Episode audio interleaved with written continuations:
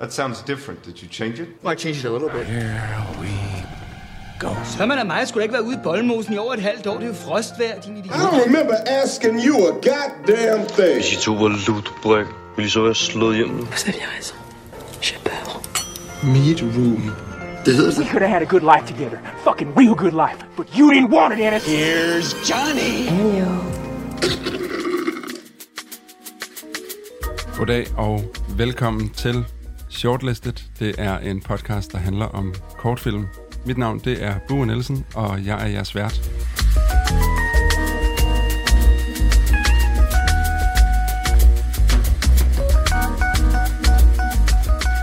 Over for mig der sidder en instruktør, som øh, er uddannet fra Super 16. Inden han lavede film, der var han både øh, danser og arbejdede inden for mode. På hans CV, der står blandt andet filmen Til far, Ung mands dans, Amfi, og så kommer der en ny kortfilm lige om lidt, der hedder Le Scenario, tror jeg nok. Vi arbejder lidt på udtalen.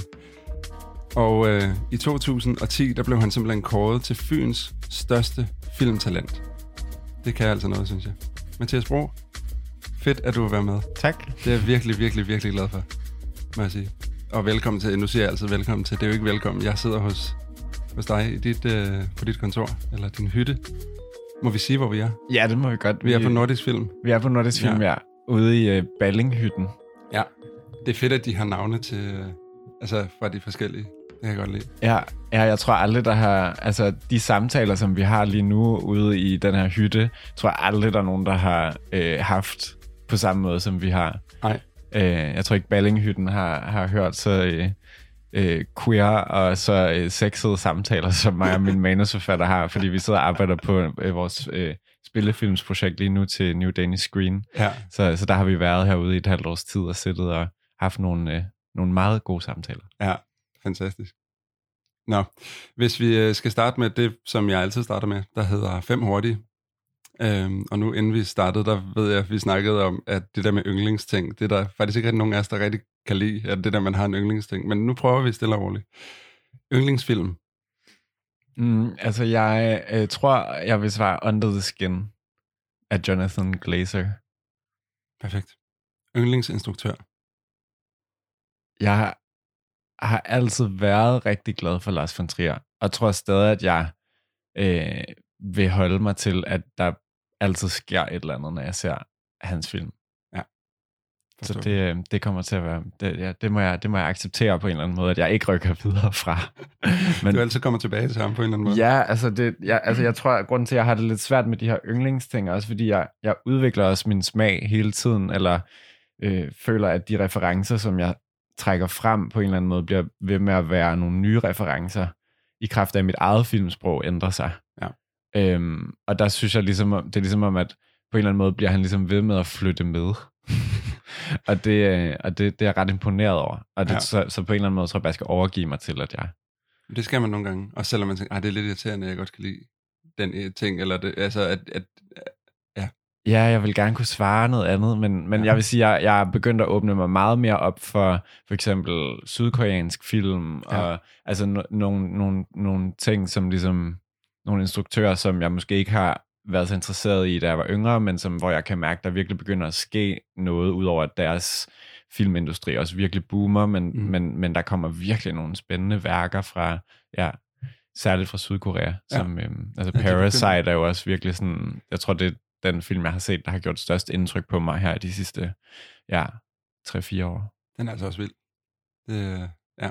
Men fedt. Lars von Trier holder vi os til, hvis det skulle være en.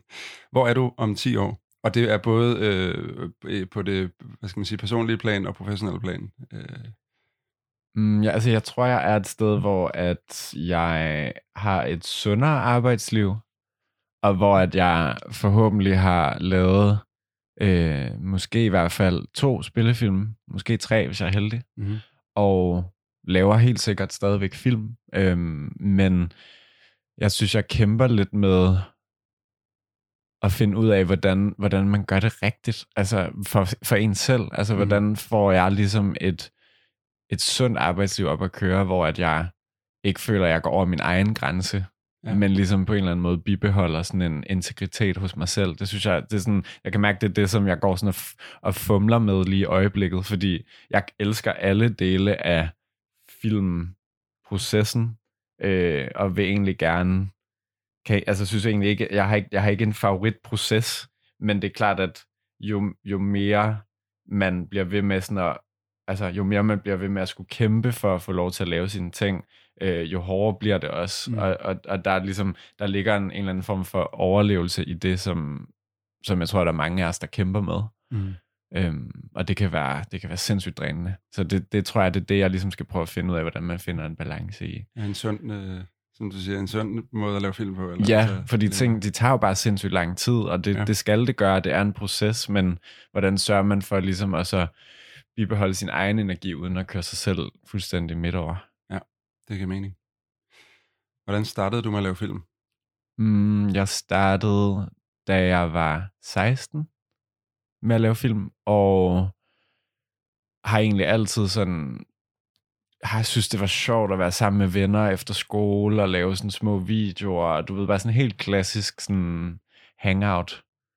Og så tror jeg bare på et eller andet tidspunkt gik det op for mig, at jeg var ret god til det, og ikke kunne lade være med at lave det.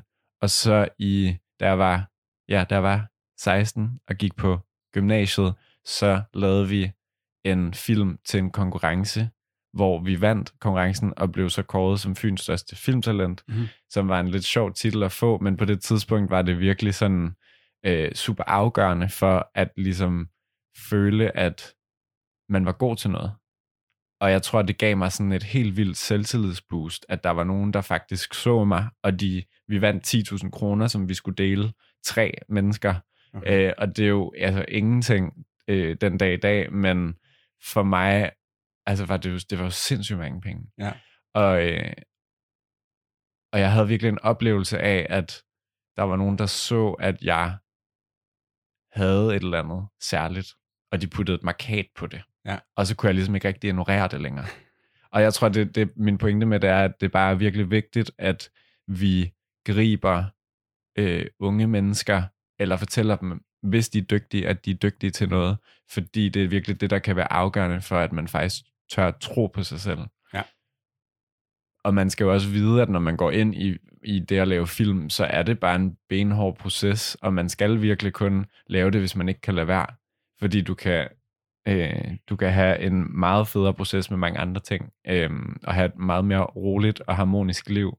Øh, men hvis du ligesom ikke kan se en udvej, så, er det ligesom, så må du ligesom finde ud af, hvordan du så skal gå i den retning af at lave film. Ja. Og jeg tror, jeg, jeg har også placeret mig strategisk i mit eget liv på en måde, som gør, at jeg ikke rigtig kan komme ud af det igen. Jeg har ligesom ikke rigtig, der er ikke rigtig andet, jeg har lyst til Nej. heller. Så jeg bliver også enormt stedig, og den stedighed gør jo så også, at der er ikke rigtig, altså jeg bliver ligesom nødt til at bide det i mig. Så der er ikke en mulighed for at få et afslag, eller der er ikke en mulighed for ikke at lykkes med det. Øhm, fordi at jeg ikke rigtig, jeg, kan ikke, jeg ved ikke, hvor jeg ellers skulle gå hen. Nej, du kan ikke lade være. Nej, Eller og det, det, altså det, og det, tror jeg, og, det, og det tror jeg bare startede rigtig meget ved, at der var nogen, der sagde, hey, du, du, øh, du er dygtig. Ja.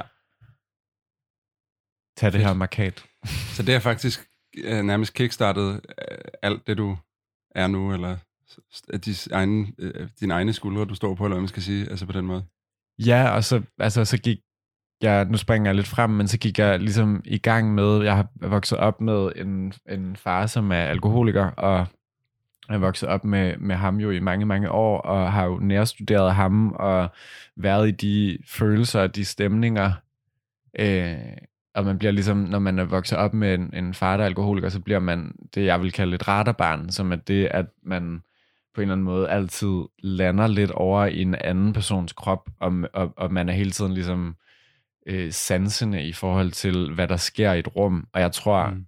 det blandt andet har været med til at gøre, at jeg virkelig er god til at omsætte de stemninger til billeder og til historier. Mm. Og, og jeg lavede så en dokumentar i 2011, da jeg var 18, som hed Til far, Mm. hvor jeg filmede min far i to måneder, og klippede det sammen selv, og lavede ligesom en lille øh, 12-13 minutters dokumentarfilm. Og vandt så en konkurrence på det tidspunkt også øhm, på Odense Filmværksted.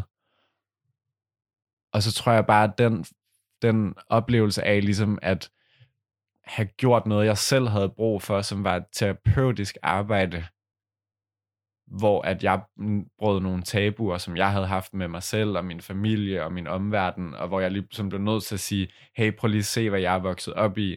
Der er enormt meget kærlighed i det, fordi jeg elsker min far, men der er også enormt meget smerte, fordi at vi ligesom, jeg er blevet tvunget ind i hans sygdom, at kunne ligesom tage magten tilbage gennem dokumentaren, gennem den korte dokumentar, var bare et virkelig sådan stort selvtillidsboost og power move for mig selv, og en kæmpe gave, og jeg tror, det har var netop også med til at have oplevelsen af at kunne være sådan, okay, bum, sådan, nu kører vi. Altså, nu, nu, nu er der ikke nogen vej tilbage, fordi jeg lykkes med det her. Ja. Øhm, og jeg drømte, jeg, da jeg var yngre, ville jeg rigtig gerne have været modefotograf, øh, og drømte mig altid væk i de her sådan modeblade, og, og det var egentlig ikke moden, jeg var interesseret i som sådan, det var jo mere billederne og det visuelle og de universer, der blev skabt og arbejdet med menneskerne og modellerne og sådan noget. Mm-hmm. Og så på et eller andet tidspunkt, jeg kunne bare mærke sådan, i det arbejde, jeg lavede, når jeg for eksempel selv tog billeder, så var det altid, folk bladrede ligesom bare igennem, og var sådan, nah, okay, det ser fint ud. Men da jeg faktisk begyndte at lave film, så kunne jeg sidde ved siden af nogen, holde på dem inde i mørket i biografen, ja. og vise dem nogle komplekse følelser, som jeg ikke ligesom måske kunne kommunikere, men ligesom via filmen kunne portrættere og Ja, det vise. kan du ikke bare bladre videre fra. Nej, det kan du ikke. Du kan ikke ligesom ikke ignorere det. Nej. Altså, og det, det var bare en ret stor oplevelse, og jeg kan huske, da vi viste, da jeg viste til premiere på den her øh, kortfilmskonkurrence, hvor jeg sad ved siden af min familie, og jeg kunne mærke, det rørte dem utrolig meget. Altså, jeg sad ved siden af min søster, som, som jo har dealet med mange af de samme ting som mig, øh, og har ligesom skulle lære mange af de samme ting som mig. Det var bare enormt rørende, kan jeg huske, at at der var sådan en forløsning i at sidde ved siden af hinanden, holde hinanden i hånden og Ja. græde i biografen og sige sådan, ja, det er rigtigt, vi har været igennem det her. Vi har et familiemedlem, som vi ikke længere kan redde, og vi skal acceptere det. Ja. Og det bliver nu meget, meget konkret, og vi deler den oplevelse med et vist antal andre mennesker i en biograf. Mhm. Øhm, og den, den oplevelse tror jeg bare har sat sig meget i min krop, og har helt klart præget meget af det, mit, mit senere arbejde, og kommer helt sikkert også til at fortsætte med at gøre det. Det er en vild fortælling, og det er vildt, at du øh, har gjort det i så øh, relativt unge alder. Altså at kunne ligesom reflektere så meget over det, synes jeg. Nu har jeg egentlig et spørgsmål mere i de der fem hurtige, som hedder, hvis du ikke lavede film, hvad lavede du så? Jeg gider næsten ikke stille det, fordi du lavede film. Hvis du ikke lavede film, så lavede du film. Altså, men der er jo mange forskellige, det er jo sjovt er jo også, altså der er jo vildt mange forskellige jobs i film. Altså, så, så det er jo også, du er jo Det er både altså leder, og du, altså det, det, det, jeg synes, der er det aller sjoveste ved at lave film, det er jo i virkeligheden at få andre mennesker til at shine. Jeg synes jo, det er vildt sjovt at facilitere en skuespillers præstation øh, på bedst mulig vis, eller få en fotograf til at lave øh, de fedeste billeder øh, Mm. og så videre. Altså det, det, det, jeg ligesom, det er der, jeg henter min energi. Men du er jo også en psykolog, du er også poet, du er også oversætter, du, også, du kommer også til at klippe, altså du kommer Mm. i alle mulige situationer, du skal også øh, håndtere alle mulige forskellige øh, karakterer, som jo ikke er bundet af, no, af nogen form for restriktion. Altså fordi øh, det kan være folk, som ejer en gård, eller det kan være en person, som har begået kriminalitet, du skal på en eller anden måde lave noget med. Eller det, Mm. altså, der er jo sådan enormt mange facetter af det, jeg tror, det er det, der også, altså jeg, det er det, der tænder mig i det. Så på den måde, er det at lave film er jo et job, men det er også 100 stillinger på én gang Ja. vi, er jo, vi er jo følsomme mennesker, eller sådan, og nogle perioder har jeg jo det meget styrkefuldt, og andre perioder er jeg sådan super skrøbelig, og har det meget ængstligt omkring det at lave film, og Mm. altså, så det, det, det kommer jo virkelig i, i bølger. Nu har jeg lyst til øh, faktisk at gå videre til et spørgsmål, der først skulle komme senere med, om du bruger dig selv, eller hvor meget du bruger dig selv, når du laver film, fordi jeg synes ligesom, vi er på vej ind i det nu, når du siger, fordi jeg tænker da, når du bliver, kan blive ængstelig, eller blive sådan, åh, hvad er det, er det godt nok, eller jeg ved ikke, hvad det er, du tænker, men det er jo vel, fordi du bruger dig selv, Mm. og fordi det er et eller andet, man, man lægger noget ud og siger, det er også en del af mig, det her. Ja, altså jeg, jeg tror, at mit krav til mig selv er ret højt. Og det er helt klart det, der tit crasher mig. Altså, jeg er meget bange for, at folk ikke kan lide mig, eller ikke synes, at jeg er god nok i mit arbejde, eller at når nu falder kvaliteten af hans arbejde, eller sådan. Samtidig med, at, at jeg jo tit, du bliver jo tit nødt til at kaste dig ud i, særligt de her kortfilmsprojekter, mm. bliver du tit nødt til at kaste dig ud i det nærmest uden penge. Ja. Men folk, altså publikum har jo stadigvæk, de har jo ikke sådan en oplevelse af, når de havde kun 20.000 kroner til at lave øh, en hel kortfilm. Altså, og, og det, jeg tror ligesom, det er det, der, der for mig kan nogle gange være en ret vild proces. Det er ligesom at skulle sådan acceptere, at sådan, når nu skal din krop igen igennem denne her lidt vilde proces eller Mm. rejse med at få lavet og produceret noget, som er sådan ret urealistisk. Altså fordi Ja. Den første kortfilm, som jeg så lavede, hvor vi så havde 20.000 kroner, der havde jeg vu- vundet en, en, øh, noget, der hed brancheprisen på det, der tidligere hed Oregon Filmfestival, der nu Mm. hedder Next Filmfestival, som er sådan en festival, hvor at man, jeg mener, man skal være under 20 Mhm. for at være med. Men der, øh, der er der nogle forskellige priser, man kan vinde, og der vandt vi nogle penge til ligesom at kunne, kunne lave den kortfilm, der hed Ung Mands Dans, som vi så fik lov til at producere gennem Centropa.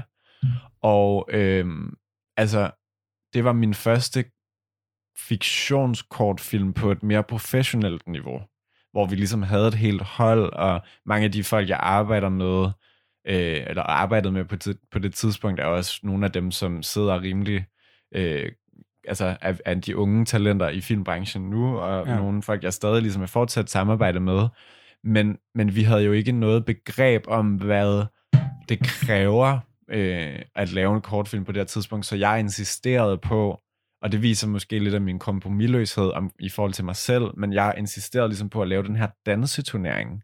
Så jeg fik, jeg sad ligesom i en hel, mm, altså i virkelig lang tid, og, og, og fik alle de her dansere fra hele landet til at kunne komme på præcis den dag, og så øh, havde vi 80 statister, men vi havde jo ikke nogen, altså jeg var jo statistkoordinator, øh, og jeg, Oh altså God. det er, jo, det er jo virkelig mange mennesker at håndtere, når man ikke ved, hvordan man håndterer så mange mennesker. Ja. Så, så, og vi fik jo lavet det, og vi lykkedes og sådan noget, men det var jo enormt hårdt for mig. Altså jeg skulle stå der som 20-årig og sige, hey, det er så fedt, I er her. Vil ikke please lade være med at gå? Det her det er så vigtigt for mig, at Ja. vi lykkes med det her. Fordi ja. folk var jo sure, altså de, de, de blev jo ikke håndteret ordentligt. Altså, og det, det, er jo, det er jo den hårde måde at lære det på. Og desværre tror jeg bare, at der er mange af os filmskaber, som, fordi vi ikke har, vi bliver ligesom kastet ud på dybt vand, og vi har jo ikke et sikkerhedsnet, der griber Mm. os, fordi vi skal jo ligesom lære det på en eller anden måde. Og det, øhm, der, der lærer man bare på den hårde måde, hvad ting kræver. Og når man har høje ambitioner, så er det vildt svært at gå på kompromis. Så jeg tror bare, det er den fysiske reaktion tit, at min egen krop ligesom går igennem, når jeg skal lave en film, fordi Mm. at jeg ligesom fra starten af har lavet nogle film, som har krævet ret meget af mig. Altså det var Ja. også enormt hårdt at lave filmen til min far, fordi jeg skulle ligesom på en eller anden måde facilitere et rum, hvor jeg kunne være der, når han også var fuld. Ja. Men han måtte ikke rigtig vide, at jeg lavede en film om det, for så havde han aldrig gået med til at Nej, lave nej, det. Så jeg ligesom, så jeg, jeg lavede jo sådan nogle, en manøvre, hvor jeg ligesom introducerede kameraet som et øh, hjemmevideo kamera, så satte jeg et lille stykke gaffatape på den røde knap, så han ikke ligesom havde følelsen af at blive filmet eller ja. kigget på. Men samtidig så blev kameraet også en portal til samtalen, eller Ja, ja. portalen til de svære følelser, fordi når, der, når kameraet kommer, så er der en oplevelse af at blive set, og det, og det gør, at, at hvis man har en tillidsfuld relation, eller en tryg relation, så har man en oplevelse af at kunne åbne sig øh, op, og jeg, jeg, jeg, man kan jo diskutere, om jeg gjorde det rigtigt, eller om det var etisk korrekt at ligesom filme ham uden øh, consent, men jeg tror på det tidspunkt tog jeg et valg om, at det var vigtigere for mig at tage noget tilbage, altså i virkeligheden at øh, tage magten tilbage over det, jeg var blevet tvunget ind i, Præcis. som var hans sygdom. Så jeg har ikke, jeg angrer det ikke, men jeg ved godt, det var ikke en rar oplevelse for ham efterfølgende. Han, var, han blev ligesom enormt sur øh, og skuffet over, at jeg havde lavet den film, samtidig med, at han, øh, ha, altså det handlede mindre om den samtale omkring, hvad det betød for mig at lave det, eller hvad det kunne betyde. Det er jo en kærlighedserklæring til ham. Det er også derfor, den hedder til far. Ja. Det er jo en kærlighedserklæring til ham egentlig. Men det eneste, han kunne se, det var, at han var bange for, at jeg smadrede hans renommé. Ja. Eller hans image. Og jeg er sådan, det har du gjort rigeligt selv. altså, det er ikke mit ansvar. Nej. Så, så, så i virkeligheden oplevede jeg bare at tage magten tilbage, og jeg tror, det, det er den bevægelse der, som, som, som jeg synes er interessant i mit arbejde, men som også tit gør, at jeg netop lander i situationer, hvor det kræver rigtig meget Ja. af mig fysisk og følelsesmæssigt at lave de her projekter, fordi at jeg netop lægger så meget øh, kraft i det, og lægger så meget personlighed i det, og har lyst til at fortælle om det personlige. Jeg har ikke lyst til at fortælle om det private, men jeg har lyst til at finde balancen, hvor jeg kan transcendere hen mod, at andre kan se sig selv i, i det. Men det er også det, der bliver spændende, synes jeg i hvert fald. Det er, når man, når man kan se, at dem, der laver det, giver noget af sig selv, og ligesom, at det ikke bliver for privat, men at, det, at man kan spejle sig i den. Ja. Må jeg spørge, øh, hvordan har din far det med den film nu? Nu er det 12 år siden, den Ja, var, jeg havde faktisk overvejet at lave en opfølgning på det. Fordi jeg ville synes, Ja. ja. det kunne være interessant at prøve ligesom at facilitere en ny proces og, øh, med ham også. Men, jeg, men problemet er også bare, at igen den der snak omkring, Nå, hvordan passer man på sig selv, og er det den rigtige vej for mig at gå og sådan noget, det ved jeg faktisk ikke rigtigt. Men jeg vil synes, det var ret spændende at prøve at sige, hvad sker der, hvis man lavede en til far 2 Ja. øh, 12 år senere. Altså, hvad er ligesom, hvad er der sket? Og jeg tror, det, det uhyggelige vil nok være, at der faktisk ikke er sket en skid. Ja. Det er det fuldstændig det samme. Jeg er bare blevet, Du jeg, var blevet 12 år. jeg er bare blevet voksen. Ja. Så man må sige, du bruger dig selv en del i, i din film.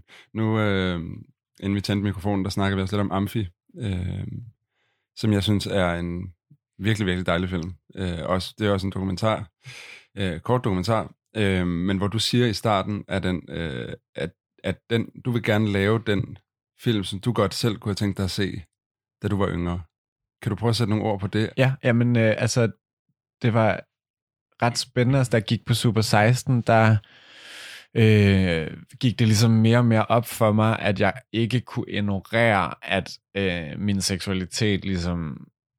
Øh, altså, jeg havde en, en, en kæreste, som jeg var rigtig glad for på det tidspunkt, så slog vi op, øh, øh som var en kvinde, og så øh, kunne jeg mærke sådan, nu det nu. Altså, nu bliver jeg ligesom nødt til at undersøge, hvad det er med den her seksualitet. Øh, og så, øh, og det var et enormt sådan skrøbeligt, en ret skrøbelig tid for mig, fordi jeg skulle ligesom smadre en masse idéer omkring mig selv, og på en eller anden måde se i øjnene, hvad det var, jeg nok egentlig godt havde kunne mærke, siden jeg var øh, 12 og så porno første gang. Eller sådan, Mhm. mm. altså, og ligesom på en eller anden måde blive ved med at lande i den her sådan homoseksuelle porno, men var ligesom enormt sådan god til at sige, at det betyder ikke noget. Det kan man ligesom, altså man, ja. man kan, hjernen kan jo virkelig lægge låg på mange ting, og det er også, jeg har brugt meget i, i, i undervisning også, øh, fordi jeg synes, det er et interessant spørgsmål. Så når jeg underviser, så har jeg tit lyst til at stille spørgsmål, også over for mig selv, men sige, hvad er det, du godt ved om dig selv, men ikke tør at sige højt? Fordi jeg vidste jo godt, at jeg var øh, queer, eller at jeg var homoseksuel, eller havde en eller anden form for flydende seksualitet. Mm. Men, men kunne ligesom ikke rigtig træde ind i det.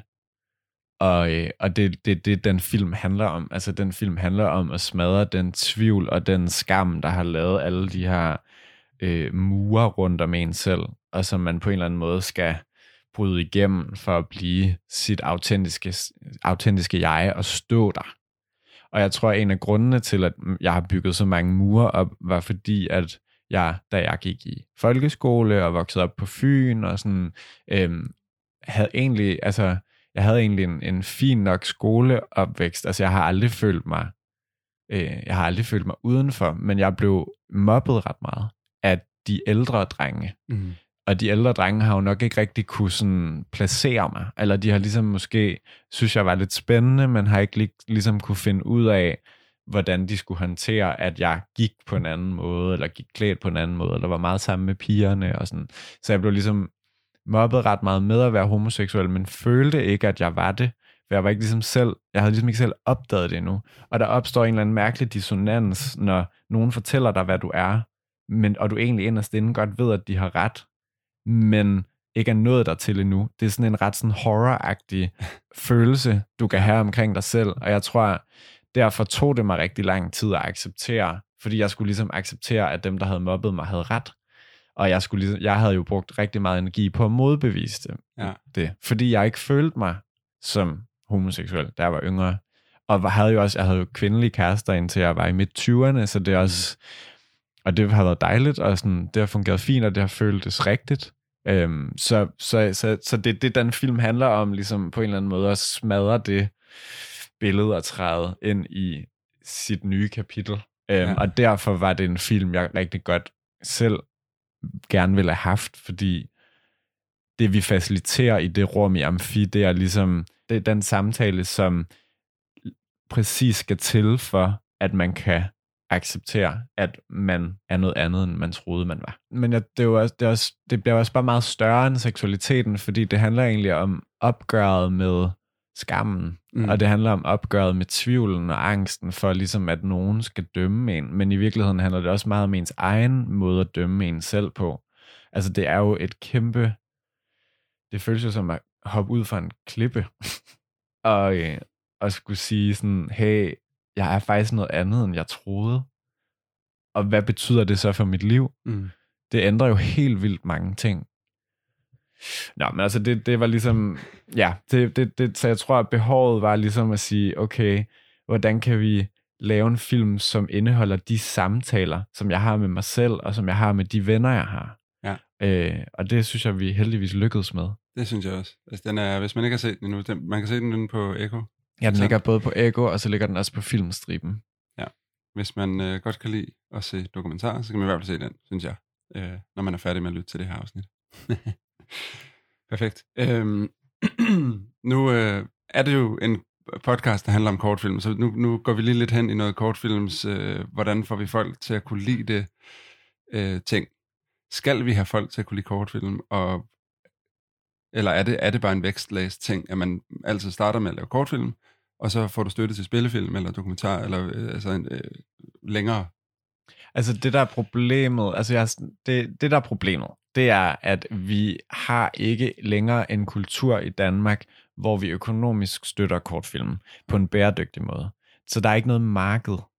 Øh, og officielt siger Filminstituttet, at de støtter kortfilmen, men de gør det ikke rigtigt. Og jeg har snakket med Martin Strange, som er jo nok måske den mest sådan, øh, umiddelbart mest prominente øh, kortfilms øh, instruktør i Danmark, fordi han også er blevet Oscar-nomineret og har lavet nogle, en, en masse kortfilm, og har i virkeligheden også bygget en karriere op omkring det. Øh, og han siger det samme, altså vi behandler kortfilmen som et stepping stone Ja. øh, format. Og det er sindssygt ærgerligt, fordi vi overser det kunstneriske potentiale i kortfilmen. Men samtidig må man jo også kigge på det og sige, hvad er så det realistiske? Altså hvis vi ikke kan få et marked op og køre omkring det, hvad er det så, vi kan bruge kortfilmen til? Mm. Og måske skal kortfilmen netop være den kunstneriske legeplads. Altså måske skal det være et sted, som ikke nødvendigvis kræver, at publikum er så interesseret i det, men at de i højere grad skal komme ind og sige, nu, øh, altså, nu får jeg en oplevelse, en kunstnerisk oplevelse, og øh, for eksempel tager til Odense Filmfestival, og i den uge fokuserer på at se kortfilm, men udover det, så ser jeg ikke kortfilm. Altså, Ja. jeg, jeg kender også, jeg kan også mærke det selv, altså, jeg, jeg, jeg elsker jo at lave kortfilm, øh, men tit har jeg faktisk ikke rigtig tålmodigheden til at se kortfilm, medmindre ja. det bliver faciliteret for mig i et rum eller på en festival. Ja. Og det, og det synes jeg er en ret spændende sådan, følelse. Altså, hvorfor er det, at jeg som person, der virkelig er interesseret i film, faktisk ikke engang rigtig gider? Så hvad er det ligesom, hvad er det, der gør, at jeg ikke investerer mig nok? Og jeg tror, det er en mærkelig ting med, at man ikke rigtig... Jeg tror, jeg tror, det handler om, at det er fordi, vi ikke når at have tid til at investere os selv nok i karaktererne. Ja. Og så tror jeg også, at det handler om, at mange kortfilm opererer, særligt i Danmark, opererer med en mere klassisk dramaturgi. Så i virkeligheden, den måde, vi laver kortfilm på, bygger sig mere på, hvordan du også vil lave en spillefilm eller en langfilm. Og i virkeligheden skulle vi nok meget mere dyrke kortfilmsanatomien.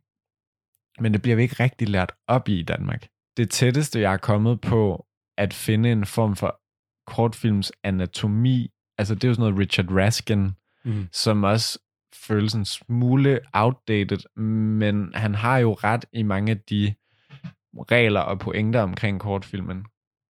Og det kunne være ret spændende ligesom at sige, hvad, hvad, hvad, hvis man nu satte det dogme, at man kun måtte følge øh, en, en mere sådan øh, stram kortfilmsanatomi, hvad er det så for nogle værker, der kommer igennem? Ja. Fordi jeg kan mærke, at jeg laver meget min kortfilm ud fra en mere øh, klassisk dramaturgi. Ja. Jamen det går jo, du har ret i det der, fordi det, jeg har ikke tænkt over det selv, at det, at det bliver en, en mini, jeg skal sige en mini-spillefilm, men det, altså det bliver lidt det samme. At det ikke, og så vil man hellere investere sig i at se en spillefilm på to timer, fordi der, der får du lidt mere videre af karaktererne og sådan noget. Ja, det altså nu, jeg har lige lavet et øh, kort, to kortfilmsprogrammer, til, kurateret to kortfilmsprogrammer til Uppsala Filmfestival. Mm. Og det er sjovt, når man begynder ligesom også at prøve at kuratere og programme, fordi så opdager jeg for eksempel, at jeg skulle lave et, pro- et uh, program med, med sådan Best of Super 16, uh, og uh, det var sindssygt svært, fordi mange Super 16 film er jo i hvert fald plus 20 minutter, Ja. og det vil sige, hvis du har fem film, det, fordi de vil gerne, det er ligesom et krav, der skal være fem film, og dit program må maks være 90 minutter, jamen så fylder du jo ret hurtigt det slot op. Det vil sige, de film, jeg vælger, er jo faktisk, tvung, jeg er jo faktisk tvunget til at skulle vælge film mere based upon duration, i, Ja. frem for hvilke film, jeg synes er fedest. Men det er jo også, det er jo også farligt, eller det er ærgerligt. Det er det, og det er jo Altså- derfor, det er også derfor tit, at mange af de film, der ligesom ender med at komme på festivaler og sådan noget, altså de overholder jo en vis tidsramme på ja. kortfilmsfestivalerne. Og det, det er bare vildt øh, ærgerligt, at vi på en eller anden måde er så låste i det. Øh, men men Ja. folk laver også bare fucking lange kortfilm. Altså, og det gør jeg også selv. Altså, Amf- Amfi er, Amfi er 30 minutter. Øhm, nu har vi så prøvet at lave Le Scenario, som er den nye kortfilm. Der, der prøvede vi faktisk noget sjovt. Vi prøvede at sige, okay, vi kunne godt tænke os, at den er præcis 15 minutter. Kan vi det? Og jeg tror, at første gennemklip var omkring, øh, jeg tror, det var lige omkring 24 minutter. Ja. Så det var alligevel, altså det er ret mange minutter at skulle klippe fra, men det lykkedes, og jeg synes faktisk, at filmen blev øh, meget skarpere og mere præcis af det, og det, jeg havde en oplevelse af, at det var et ret effektivt værktøj til at gennemskue, hvad scenerne havde brug for. Ja. Øhm, og det, det har jeg aldrig gjort før. Det var ret sjovt, og jeg, jeg tror, at grunden til, at jeg ikke har gjort det, har været, fordi jeg synes, det virkede for banalt. Men, men i virkeligheden var det super effektivt. Ja. Så, så det vil jeg sige, det var et godt råd til folk, at når de laver deres kortfilm, prøv at se, altså, kan du lande et sted mellem 8 og 15 minutter? Mm. Det tror jeg umiddelbart er den perfekte længde, både for at komme med på festivaler, men også for, at folk skal have, kunne have lyst til at se kortfilmen, fordi der bliver nødt til at være en kontrakt, der hedder, okay, men det er en kortfilm, og jeg kommer ikke til at engagere mig nok i de her karakterer, til at jeg skal kunne se en, en halv time, Ja. så vil folk hellere se en spillefilm. Ja, og for eksempel, altså nu, en af dine egne ung mandsdans er, hvad er den, 12? Ja, øh, 12-13 minutter. Ja, 12 minutter cirka. Og det er sådan en god længde. Da jeg, altså, da jeg skulle til at se den, så tænkte jeg, "Ej, det glæder jeg mig til. Nu, Ja. Det er lige 13 minutter, det kan jeg godt lige ja. Ja. bruge på, af mit liv på det.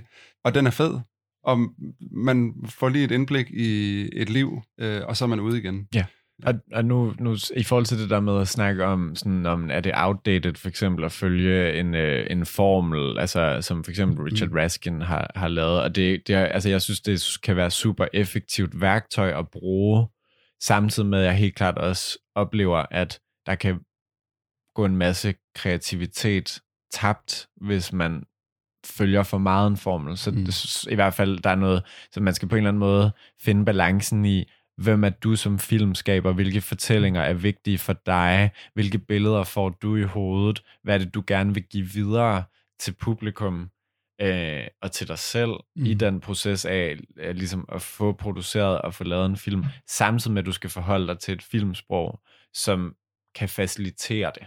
Så det, så det, er, den, det er den balance, og det kan være sindssygt svært, fordi vi er jo også uddannet mere klassisk, øh, på, både på Filmskolen og Super 16 og 18 mm. Frames og Super 8. Altså det er jo ligesom filmuddannelser, som uddanner til en meget klassisk tænkning, hvor at øh, lige så snart du rykker mere over i billedkunsten, så er der jo slet ikke øh, de samme øh, regler. Altså så handler det jo meget, meget mere om referencer og øh, historisk viden og hvilke kontekster du stiller ting i. Altså jeg synes, der er billedkunsten meget bedre til at stille spørgsmålet, mm. frem for at gå ind i formlen. Kunne man lære noget af det i kortfilm? Altså ikke have, som du siger, ikke have en klar øh, anatomi i det, men bare lave en film, som er, et, øh, er lidt, lidt mere kunst, end det er kortfilm. Altså, hvor det stadigvæk er en kortfilm, men hvor det, der ikke sådan er en fast ramme som sådan. Ja, altså det er, jo, det er jo individuelt, hvad folk er interesseret i. Jeg tror ja. bare, at, at for mig er det interessant ligesom på en eller anden måde at finde ud af, hvordan jeg kan sætte mig selv fri, samtidig med, at jeg kan facilitere et møde med en form, der kan møde et publikum. Ja. Altså, fordi jeg har ikke lyst til... Altså, der kan jo også være noget interessant i at fremmedgøre folk i det møde med din film, men jeg er meget interesseret i personligt at bygge bro, og det har jeg altid været. Også for min egen skyld. Altså, jeg synes jo netop, det terapeutiske møde og investeringen i at gå ind i biografen og have en samtale med værket, mm. synes jeg, at, at for mig er det der, hvor der opstår en magi. Men der er jo også en pointe i at kunne, for eksempel, øh, at værket for eksempel insisterer på ikke at ville blive læst, eller ikke at ville opleves. Altså, så den, ja. du kan jo selv vælge, hvordan du ligesom skal forme det, men jeg tror bare, for mig er det mest interessant at bygge bro, og ja. der, men, men uden at ligesom give slip på ens egen kunstneriske integritet, fordi formen skal kun bruges, hvis du går i stå, eller hvis du ligesom ikke ved, hvad du vil. Så kan du ligesom bruge den til at åbne op. Men det er måske egentlig også det, altså det, hvis vi snakker om det der med, at øh, hele min, mit problem er, at jeg synes, det er ærgerligt, at unge mennesker i hvert fald jeg synes, at kortfilm er kedelige. De mange i folkeskole og i gymnasiet. Og sådan, det er noget, man skal se, fordi dansklæreren siger det. Men jeg tror også måske, altså jeg husker da også, at det at læse noveller eller læse tekster i gymnasiet, eller sådan, det, det var ikke særlig spændende. Altså mm. det, det, er jo, det er jo noget, man ligesom på en eller anden måde også selv skal have lyst til at opsøge. Ja. Så det handler jo også mere om emnerne eller historierne, vi så også laver kortfilmene omkring, som så skal tiltrække et publikum. Og jeg tror, der er en, far, altså det, der er en farlig balance i os at, at kun tænke, hvad vil publikum gerne have? Altså jeg tror, man skal finde en balance i at sige, jeg som kunstner har en lyst og et want og et behov for at fortælle de her historier, samtidig med, at jeg skal tage hensyn til mit publikum, men jeg skal ikke give magten til publikum. Mm. Og det, det, jeg ved for eksempel inde på DR, og særligt når vi, når vi arbejder med, med produktioner til unge, så er det tit, at man lægger meget, meget vægt på, hvad publikum gerne vil, eller hvad de unge gerne vil. Og det synes jeg er også vigtigt, men nogle gange skal vi også kunne sige, hey, du ved ikke, hvad du vil. Men prøv lige at se det her. Ja, vis noget nyt. Vis noget nyt. Hvad kan, hvad, hvad kan det her for dig? Ja. Øh, kan det være en ny Lego-klods på din allerede opbyggede figur, ja. som du ikke vidste, du manglede? Øhm, så, det, så det er jo den samtale, man skal have som filmskaber med sig selv, og sige, hvad er jeg interesseret i? Hvem, hvordan kan jeg få et publikum med, så min film bliver set? Øh, og hvordan, hvordan strukturerer vi så det? Det er vel sådan noget, som... Nu kommer jeg til at tænke på, hvis man skulle...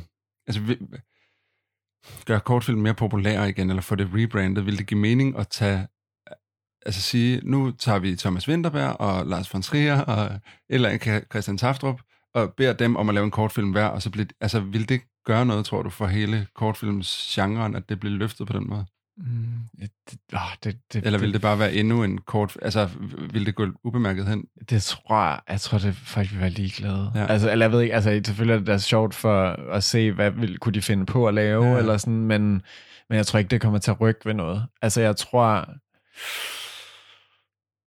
jeg tror, det handler mere om at måske bare øh, acceptere, at kortfilmen er ligesom både en stepping stone, og så er det også, øh, kan det også have et enormt kunstnerisk potentiale. Mm. Og så kunne man måske overveje, om man skulle lave en, nogle antolo- øh, hvad hedder det, antologier.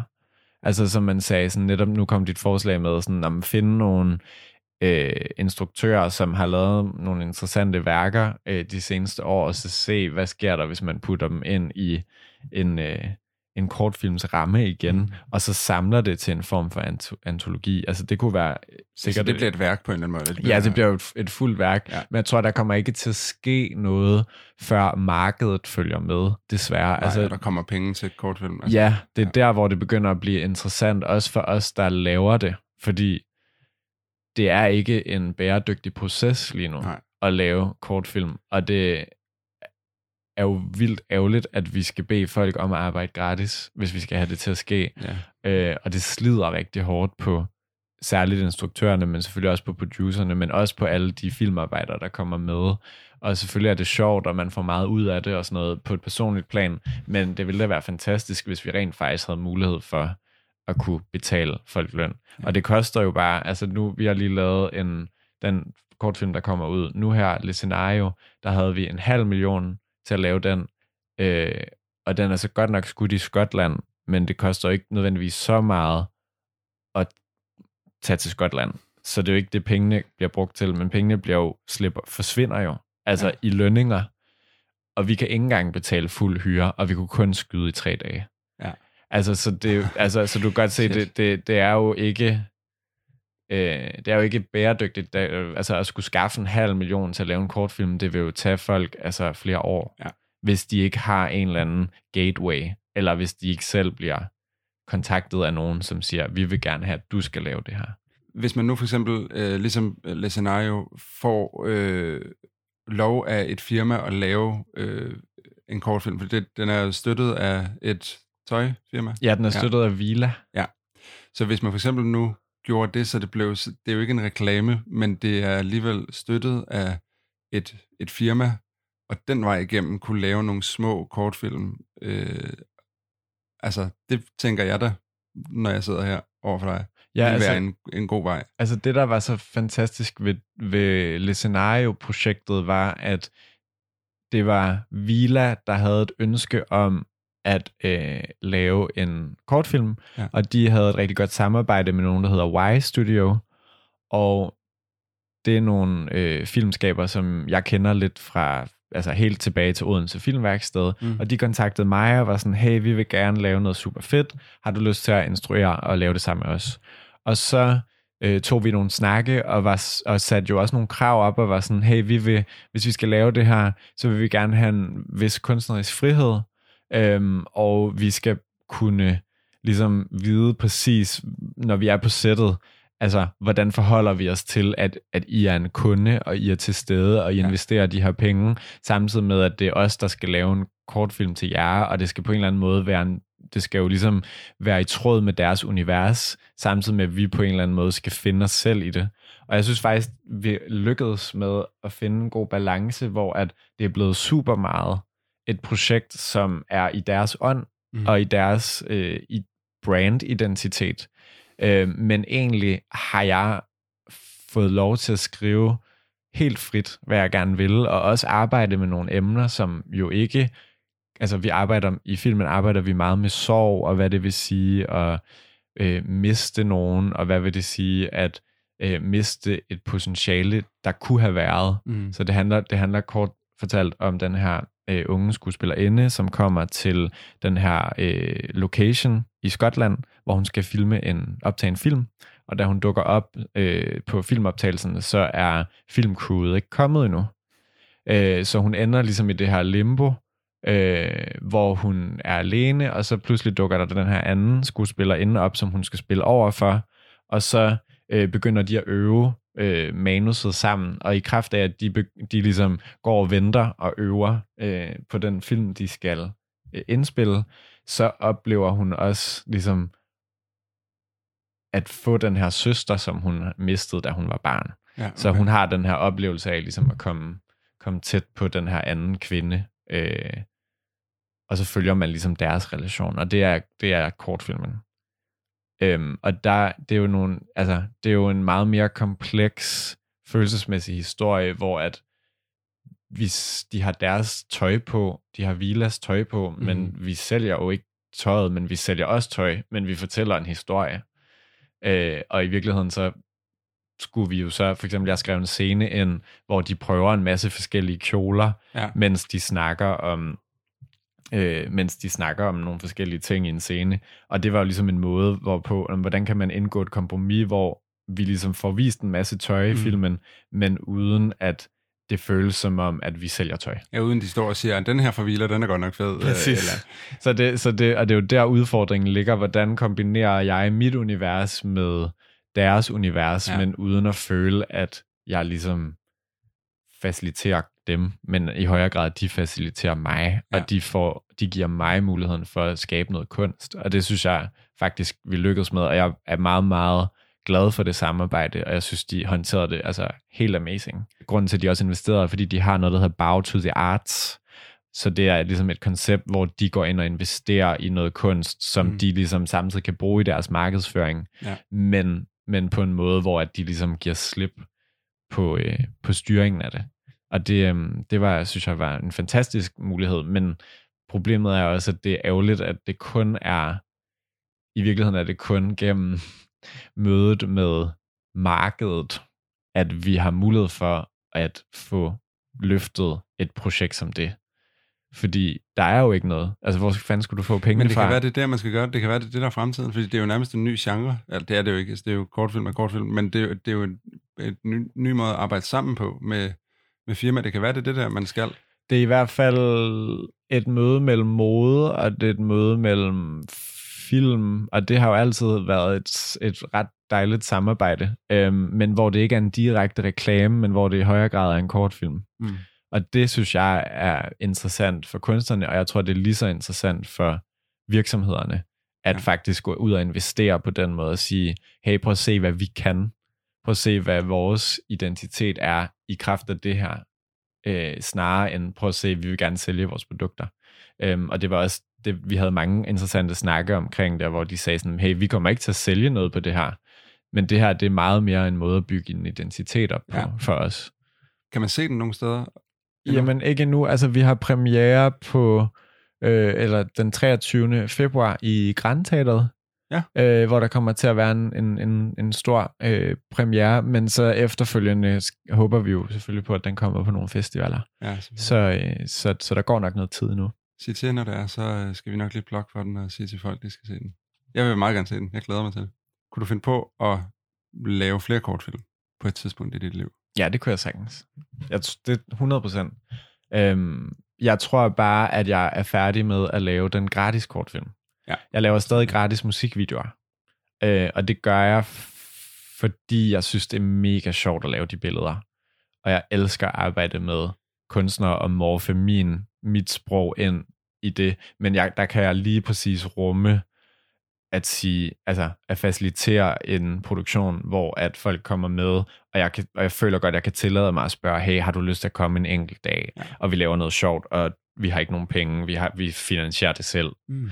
Øhm, men, men på et kortfilmsprojekt, som strækker sig lidt længere, der tror jeg, jeg vil blive nødt til på en eller anden måde at have et vis slags budget, før jeg kunne gøre det, fordi jeg har trukket nok på folk, der skulle arbejde gratis, og nu er det nogen, nogen der er yngre end mig, der på en eller anden måde skal have lov til det. Ja. Hvad hedder det? Øhm, vi er sådan stille og roligt på vej mod øh, slutningen, men øh, jeg skal lige høre først, øh, hvor du bliver inspireret til alt det, du laver. Mm, jeg, lige nu bliver jeg meget inspireret af øh, hele queer-miljøet, Mm. og er også i gang med at lave en øh, adaptation af en bog, der hedder Sauna, Ja. som vi er i proces med inde hos New Danish Screen, og vi har lige sendt et first draft ind nu her, øh, efter at have arbejdet på det i et par måneder. Det er en film, som det handler om en ung fyr, der hedder Johan, som øh, Øh, flytter til København, og så får han job i den her øh, bøssesauna, der hedder Adonis. Og så øh, møder han en ung fyr, der hedder William, som han bliver forelsket i, som er transkønnet. Og så følger man deres kærlighedsforhold. Og øh, det er interessant for mig, fordi det er meget det miljø, som jeg selv øh, begår mig i. Den igen lidt samme stemning som Amfi. Altså, hvordan kan man øh, hvordan kan man tage de mennesker, som jeg holder enormt meget af, og synes er super seje, og bliver inspireret af, og er en del af, hvordan kan man tage det miljø og putte op på lærredet? Ja. Øh, fordi det er det, der er min hverdag, og det er det, jeg gerne vil se, og jeg har ikke set det endnu. Altså, jeg, jeg synes, der er helt sikkert sket noget de sidste par år i forhold til repræsentation i dansk film, og det er virkelig, virkelig godt. Øhm, og den udvikling vil jeg gerne selv være en del af, og jeg er meget, meget stolt af de unge øh, talenter, der, der kommer nu, som rent faktisk får lavet nogle øh, film, som er mere repræsentative for, hvordan øh, verden ser ud. Ja. Øhm, og det er nok det, der inspirerer mig ret meget lige nu, at sige sådan, den udvikling vil jeg gerne være en del af. Og jeg vil gerne være en del af på en eller anden måde, at vise, hvordan at vi kan frigøre os fra nogle af de idéer og forestillinger, vi går og har om os selv. Mm. Det tror jeg er min sådan, største inspiration, konkrete inspiration lige nu. Og så arbejder vi også lige på at snakke lidt om, om vi kan lave en gruppe, hvor vi samler øh, altså de queer-instruktører i Danmark, øh, og også de queer-manusforfattere, der er lige til en start. Prøv at samle dem og sige, hey, hvad er det faktisk for nogle fortællinger, vi har brug for, og kan vi støtte hinanden i at udvikle de fortællinger? Ja. Altså, fordi vi går også tit, når man er kreativ på den her måde, går man også tit i sin egen boble og kæmper og nørder med ens øh, eget projekt og ens egen agenda, og jeg synes, det er meget mere interessant at føle, at vi ligesom har et, et fælles mål eller en fælles mission, øh, men jo med vores individuelle stemmer. Ja. Øhm, så det kunne jeg ret godt tænke mig at prøve at facilitere. Og det var også det, jeg synes, der var så fedt ved Super 16. Det var jo det, man ligesom kunne. Man var en del af en forening, man var en del af et fællesskab, men man havde også sit eget, man kæmpede for. Ja, man hjælper hinanden. Ja. Altså, og det er jo det. Er jo det. Sådan Ja. kommer man alle bedre frem, altså hvis man ligesom støtter hinanden. Det er det, og det er derfor, jeg så godt kan lide dit koncept omkring, at man også skal anbefale en anden instruktør Ja. til at komme ind i din podcast. Det, det var en perfekt segue over til, til, at, til at give stafetten videre. Ja, jeg vil Hvem rigtig gerne give den videre til Thor Plauborg. Fantastisk. Øh. Dokumentarfilms øh, instruktør. Yes, Ja. uddannet fra Filmskolen, lavede en helt vild afgangsfilm, der hed Enten Eller, mm. Som også er skudt af Nikolaj Lok, som er en af de fotografer, jeg har arbejdet mest med. Han skød også Amfi og øh, Ungmands Dans. Og øh, der er i hvert fald særligt en enkelt scene i Enten Eller, hvor at øh, der er en konfrontation inde på en restaurant, som øh, er en af de vildeste scener, jeg har set i, øh, i dansk øh, kortfilm. Okay, hvor, hvor kan man se den hen? Jeg mm, er ret sikker på, at den ligger på Ego, faktisk. Okay. Øh, og Tora er spændende, for altså, hun har også lavet Efterskolen, Ja. øh, som der sikkert er mange, der kender. Men Tora er vild, fordi at hun ligesom har en sårbarhed og en styrke, både i sig selv, men også som filmskaber, men som hun også på en eller anden måde formår at transcendere ind i de karakterer, hun også øh, laver i sin film. Mm. Og øh, hun spiller også selv med i enten eller som en karakter, og der er hun sådan en hyper udgave af sig selv. Øh, og det synes jeg er ret spændende, og jeg har, også, jeg har jo selv godt kunne lide ligesom at sige, hvad, hvad sker der, når jeg selv optræder foran kameraet, ja. Men hvad sker der også, når jeg projekterer mig selv ind i nogle af karaktererne, øh, og prøve, og prøve ligesom at, at, at, at, at, at forhøje, eller hvad hedder, forstærke Ja.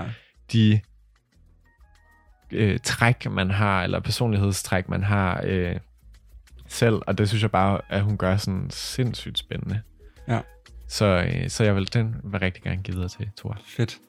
Det, øh, det vil jeg virkelig glæde mig til, at snakke med hende. Nu har jeg ikke mere, og øh, det har været en kæmpe, kæmpe stor fornøjelse. Jeg er så glad for, at du vil være med. I lige måde. Øh, og held og lykke med spillefilmen. Hvad kommer den til at hedde? Jeg tror, den kommer til at hedde Sauna. Sauna. Fedt. Men tusind tak, fordi du var med. Og til alle jer, der lytter med, tak fordi I gad at lytte på Mathias og min samtale. Og øh, vi lyttes videre næste gang. Hej.